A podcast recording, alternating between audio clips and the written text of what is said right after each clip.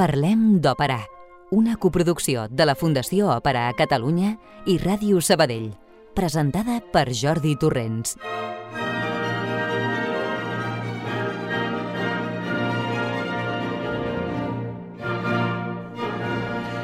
Hola, com esteu? Bé, oi? Ja m'ho suposava. Comencem el mes de març perquè fa el nostre programa més de començament de la primavera.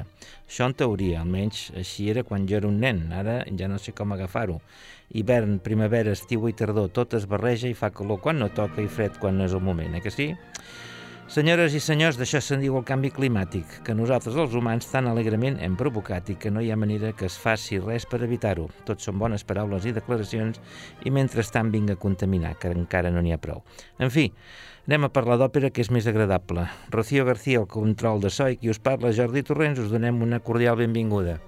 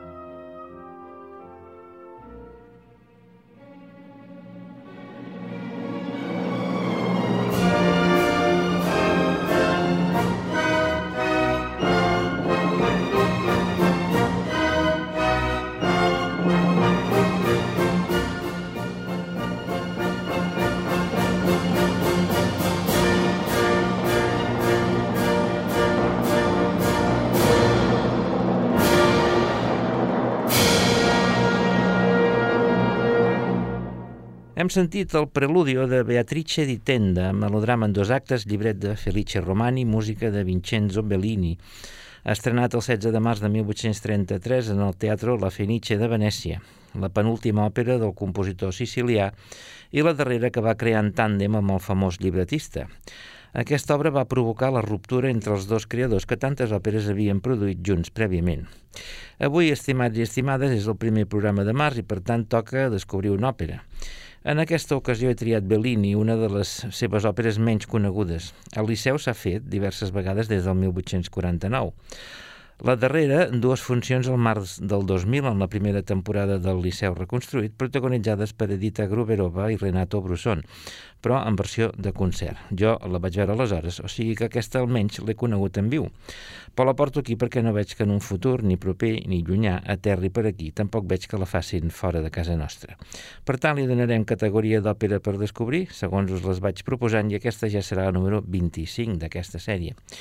Farem servir l'enregistrament de Nightingale Classics fet en viu l'any 1992 a Viena i on podem sentir Edita Gruberova com a Beatrice, Vesselina Casarova com a Agnese del Maino, Igor Morosov com a Filippo Maria Visconti, Don Bernardini com a Orombello, Branco Robinsac com a Nichino i Daniel Sumeghi com a Rizzardo, el cor Wiener Genès i l'Orquestra Sinfònica de l'ORF, que és la ràdio-televisió austríaca, completen el repartiment i dirigeix Pinchas Steinberg. I ara, abans d'entrar en matèria, escoltem-ne un altre fragment de l'acte primer, el duet Si rivale rival regnante, e la mia spietato, entre Agnese i Orombello.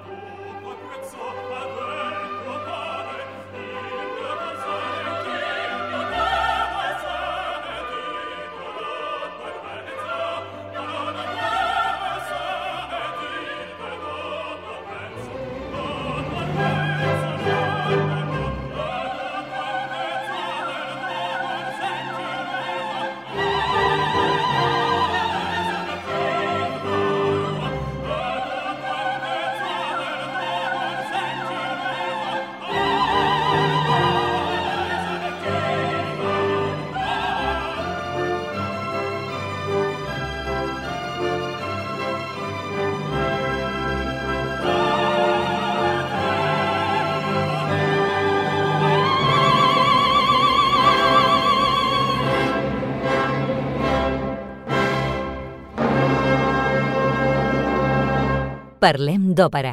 Vincenzo Bellini va néixer a la ciutat siciliana de Catània, als peus de l'Etna, el 3 de novembre de 1801. El més gran de set germans pertanyia a una humil família de músics. El seu pare, de nom Rosario, era organista i el seu avi, Vincenzo Tobia, originari de la regió dels Abruzzi, també era músic i ell fou qui va donar les primeres lliçons a Vincenzo, que va resultar ser un nen prodigi. L'any 1819 l'Ajuntament de Catània li concedeix una beca per anar a estudiar, per aprofundir la seva formació d'una manera oficial, en definitiva, a Nàpols, en el Conservatorio de San Sebastiano. Allà va tenir diversos mestres segons les matèries, entre ells Giovanni Furno, que li va ensenyar harmonia, Giacomo Tritto, contrapunt i el més destacat, Nicola Antonio Zingarelli, aleshores director del Conservatori, el qual havia estat un notable compositor d'òpera, tant seriosa com còmica. Zingarelli va inculcar en el jove Bellini el gust pels clàssics, doncs li va fer estudiar les composicions de Mozart i Haydn, així com la preferència per la melodia plana i expressiva, despullada d'envelliments i artificis seguint els cànons de la reverenciada escola napolitana. Això ho veurem clarament en la música que produiria Bellini, melodies sempre exquisides i de gran expressivitat, sense necessitat de fer-se estimar gràcies a coloratures i additius artificials.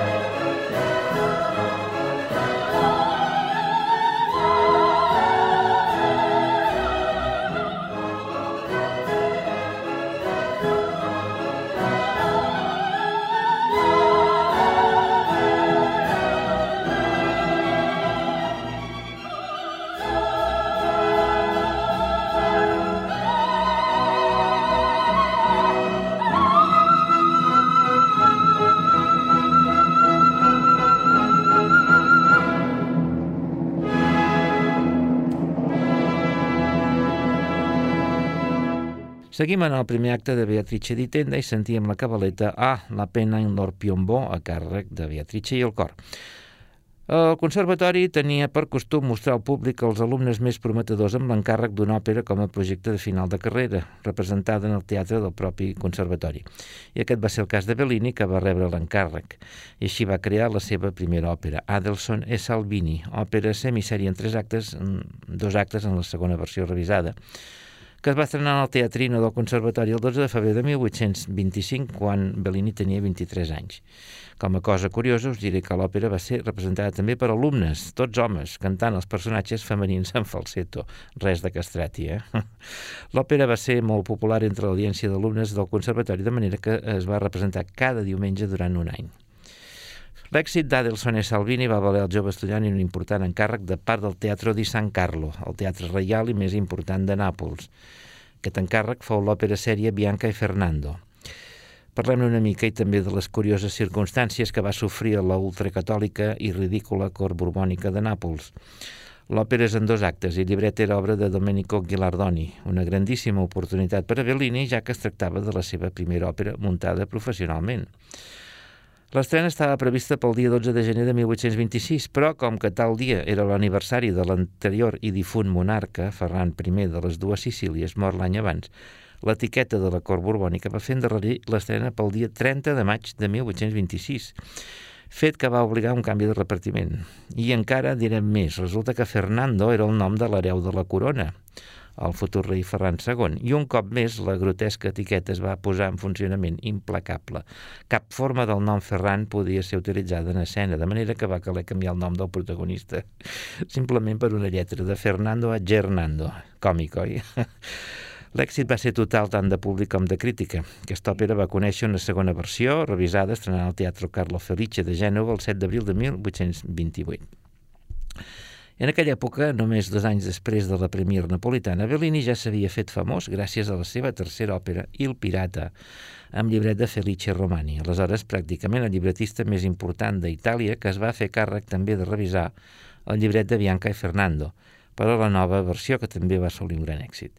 Ja sentim tot seguit, sempre del primer acte de Beatrice di Tenda, el cor d'Armigeri, o sigui, homes armats, l'Ovedeste.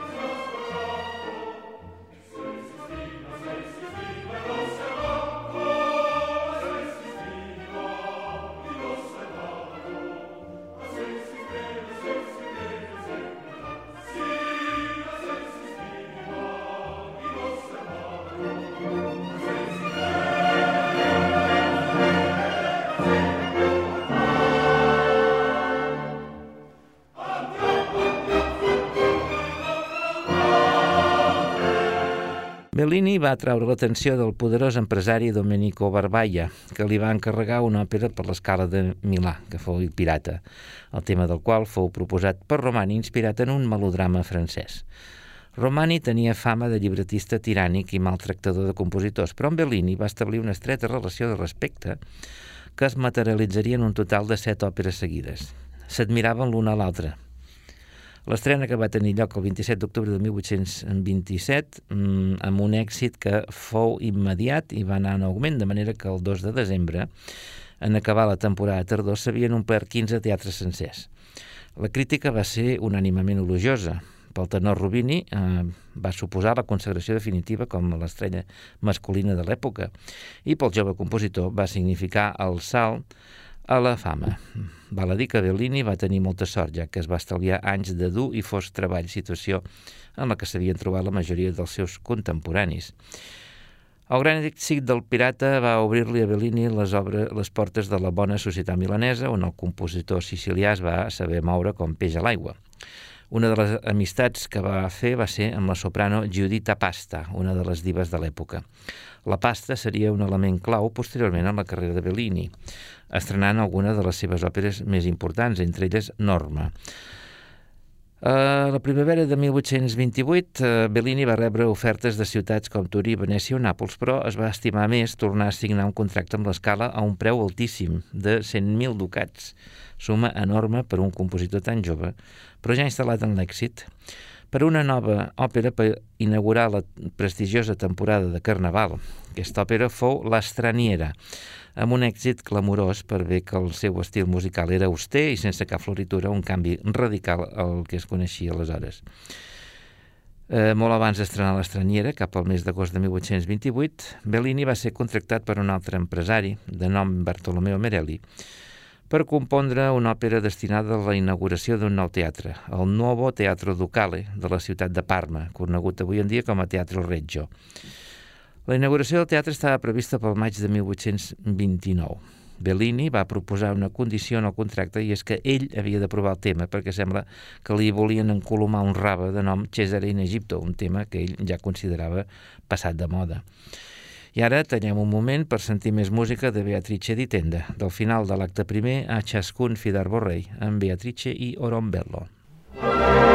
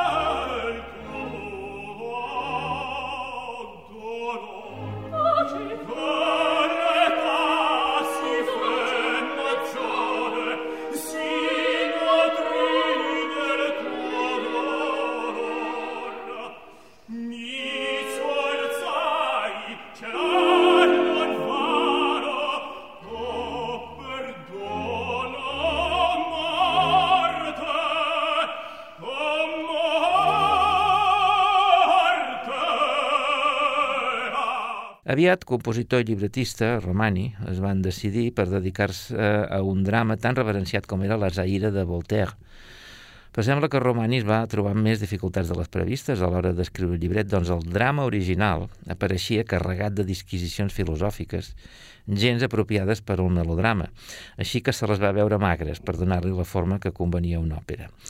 L'estrena, prevista pel 12 de maig de 1829, es va haver de posposar fins al 16 a causa de la soprano Henriette Meric Lalande.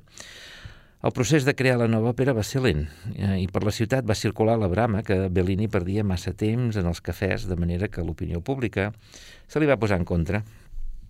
Aquesta hostilitat prefabricada va influir molt en el fracàs total de Zaire. El fet és que Bellini ho va assumir i aquesta òpera mm, va pràcticament desaparèixer fins al 1976, ni més ni menys. El compositor no la va voler ni revisar, però sí que va reciclar-ne la música de forma gairebé massiva per la següent òpera, i Capuletti e i Montecchi, una versió no shakespeariana del drama de Romeo i Julieta que s'estrenaria a la Fenice veneciana l'11 de març de 1830. Deu mesos després del fiasco de Zaire, un èxit enorme tornava a caronar Bellini.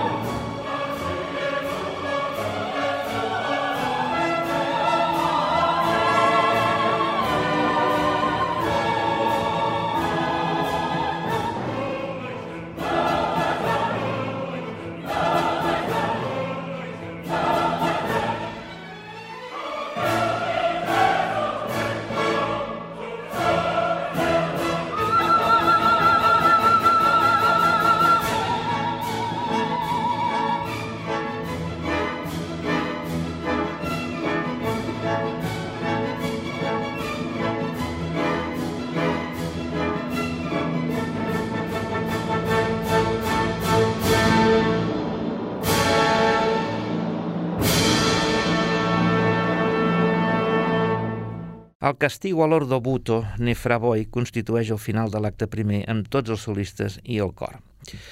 Retornat a Milà des de Venècia, Bellini es va dedicar a negociar nous contractes i com un veritable artista consagrat ja ho feia a llarg termini. Un amb l'Escala i un altre amb la Fenice, que en aquell moment estaven sota el mateix grup empresarial, però també un amb un altre teatre menor milanès, el Teatro Carcano. El grup de promotors del Carcano en aquells moments estava encapçalat per un noble, el duc Pompeo Lita, que era qui negociava amb Bellini per una òpera que s'havia d'estrenar la següent temporada d'hivern.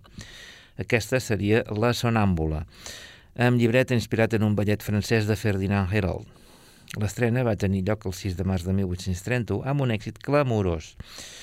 L'èxit es va fonamentar en diversos punts. El llibret de Romani va ser apreciat com a quelcom diferent del que havia fet fins aleshores. La música de Bellini, que és deliciosa de cap a peus, i l'excepcional parella protagonista, la soprano Giudita Pasta, que es va encarregar del difícil rol d'Amina, que exigeix una tessitura alta i una gran tècnica, i el tenor Giovanni Battista Rubini, que va crear el protagonista masculí Elvino. Amb la sonàmbula feliçment estrenada, Bellini i Romani, el tàndem aparentment indestructible, van començar a discutir sobre quin hauria de ser el tema de la següent òpera, que estava prevista a finals d'aquell mateix any de 1830 a l'Escala. A més a més, l'òpera en qüestió suposaria el debut de la pasta en el Coliseu milanès, i aquesta òpera seria Norma, la seva obra mestra que s'estrenaria el 26 de desembre. La primera representació, però, fou un fracàs, o més aviat el públic es va mostrar indiferent. Posteriorment, la cosa va millorar.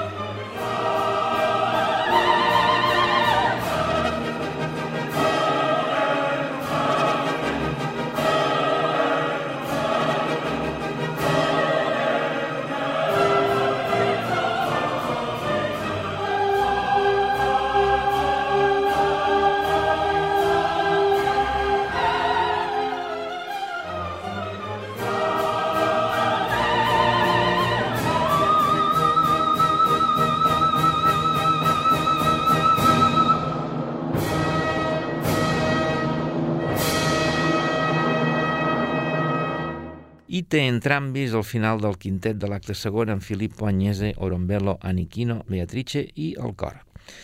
A començaments de gener de 1832, Bellini se'n va anar de viatge cap a Nàpols i la seva Sicília natal. Aquest seria un any en el que per primera vegada des de 1827 no compondria una sola òpera. Bellini i Romani es van posar d'acord de fer la seva nova òpera al voltant del tema de Beatrice di Tenda, encara que el llibretista tenia dubtes degut a la semblança del tema amb l'Anna Bolena, que havia escrit per a Donizetti. Romani no dona l'abast de feina, desbordat de compromisos, i la cosa es retardava molt. Bellini es va queixar oficialment, però no li quedava gairebé temps per acabar la nova òpera eh, a, a punt, de manera que l'estrena es va anar retardant fins al 16 de març de 1833. En tant esperar la nova estrena de Bellini, el públic la va acollir més aviat fredament. Romani, a més, tenia el costum d'afegir uns escrits en el libretto que de vegades eren indiscrets i en aquesta ocasió demanava la indulgència del públic suggerint que els defectes de l'òpera no eren culpa seva. Això va anar seguit eh, un anar i venir de cartes eh, publicades en els diaris amb veritables campanyes a favor i en contra de l'un i de l'altre que va acabar amb el trencament total de la relació professional entre tots dos. Bellini va anar cap a Londres i després a París, on aconseguiria l'encàrrec ben pagat del teatre italià, dirigit per Rossini, per fer I Puritani, la seva última òpera, que s'estrenaria el gener de 1835. Bellini es va quedar a París esperant nous projectes que no van donar fruit. Finalment, va morir a Pitó, a les afores, el 23 de setembre de 1835, amb només 33 anys d'edat. Parlem d'òpera, a Ràdio Sabadell.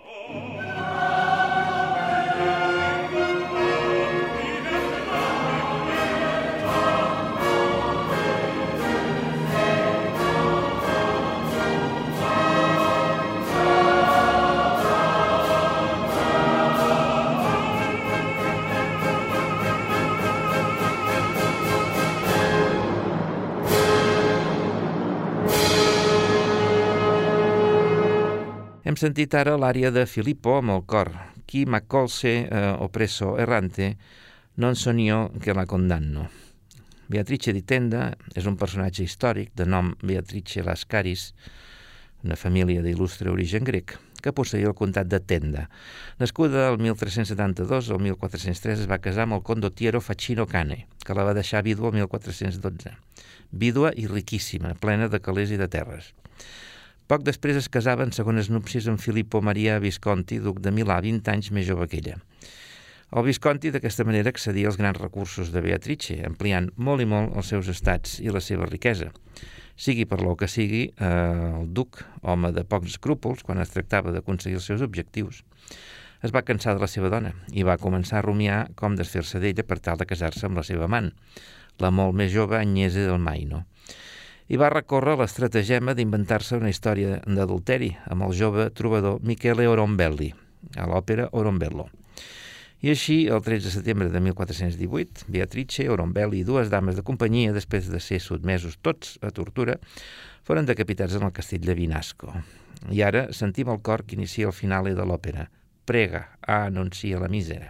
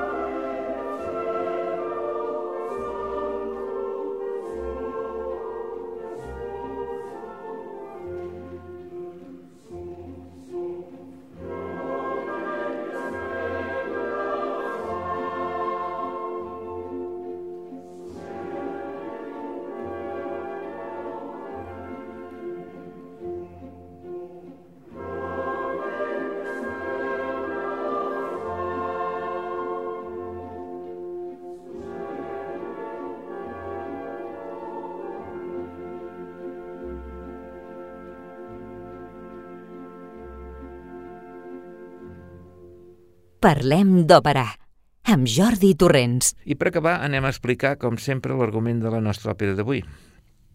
Acte primer. Filippo, duc de Milà, està cansat de la seva dona Beatrice di Tenda. Per contra, desitja Agnese del Maino, molt més jove, però aquesta estima Orombello, senyor de Ventimiglia, i descobreix que aquest, per la seva banda, estima secretament Beatrice, els lius habituals. Aleshores, eh, la gelosa Agnese ordeix un pla per fer caure aquesta. Beatrice està preocupada pel comportament tirà del seu marit contra ella i els seus súbdits. Filippo comença a acusar la seva dona d'adulteri i d'anar contra ell i discuteixen agrament. Ella lamenta el camí que ha pres la seva vida. Orombello, que la sent, li declara la seva lleialtat juntament amb els seus partidaris, companys que foren del primer marit de la duquesa. Orombello s'agenolla davant Beatrice i són enxampats infraganti per Filippo, Agnese i els cortesans. Això dona al Visconti la munició necessària per acusar directament la seva dona i ordena l'ingrés a presó d'aquesta i Orombello. Acte segon. Orombello, sotmès a tortura, declara que hi ha una aliança entre ell i Beatrice. Aquesta li ho retreu i ell reconeix que ha mentit a causa de la tortura i que Beatrice és innocent. A Filippo tant se li dona i està més decidit que mai a condenar la seva dona i desfer-se d'ella. Agnese, presa de remordiments, prega clemència a Filippo i, eh, i li és estalviada la tortura a Beatrice. Quan Filippo ha de signar la sentència de mort de la seva dona, dubta. Però en saber que els seguidors d'aquesta s'estan armant contra ell, firma. Beatrice, tot esperant la sentència, diu que Déu li ha donat la força necessària per suportar la situació i que Filippo i els seus pagaran el dia del judici final. Mica tard. Agnese confessa la seva confabulació i Beatrice la perdona, tal com Morombello perdona també els seus enemics polítics. Camí del Patíbol demana a la gent que preguin per Filippo i Agnese i no pas per ella, i s'acomiada de tothom deixant enrere el patiment. Tràgic, tràgic, eh? Hm. Sentim, doncs, si us sembla, l'àrea final de Beatrice, amb el cor. Ah, se un urna me concessa, a la morte a qui m'ha preso. I amb els trinats de la Gruberova us deixaré per avui, tot començant ja a esperar-vos per al proper programa. No en falleu. Adéu-siau i fins dijous que ve.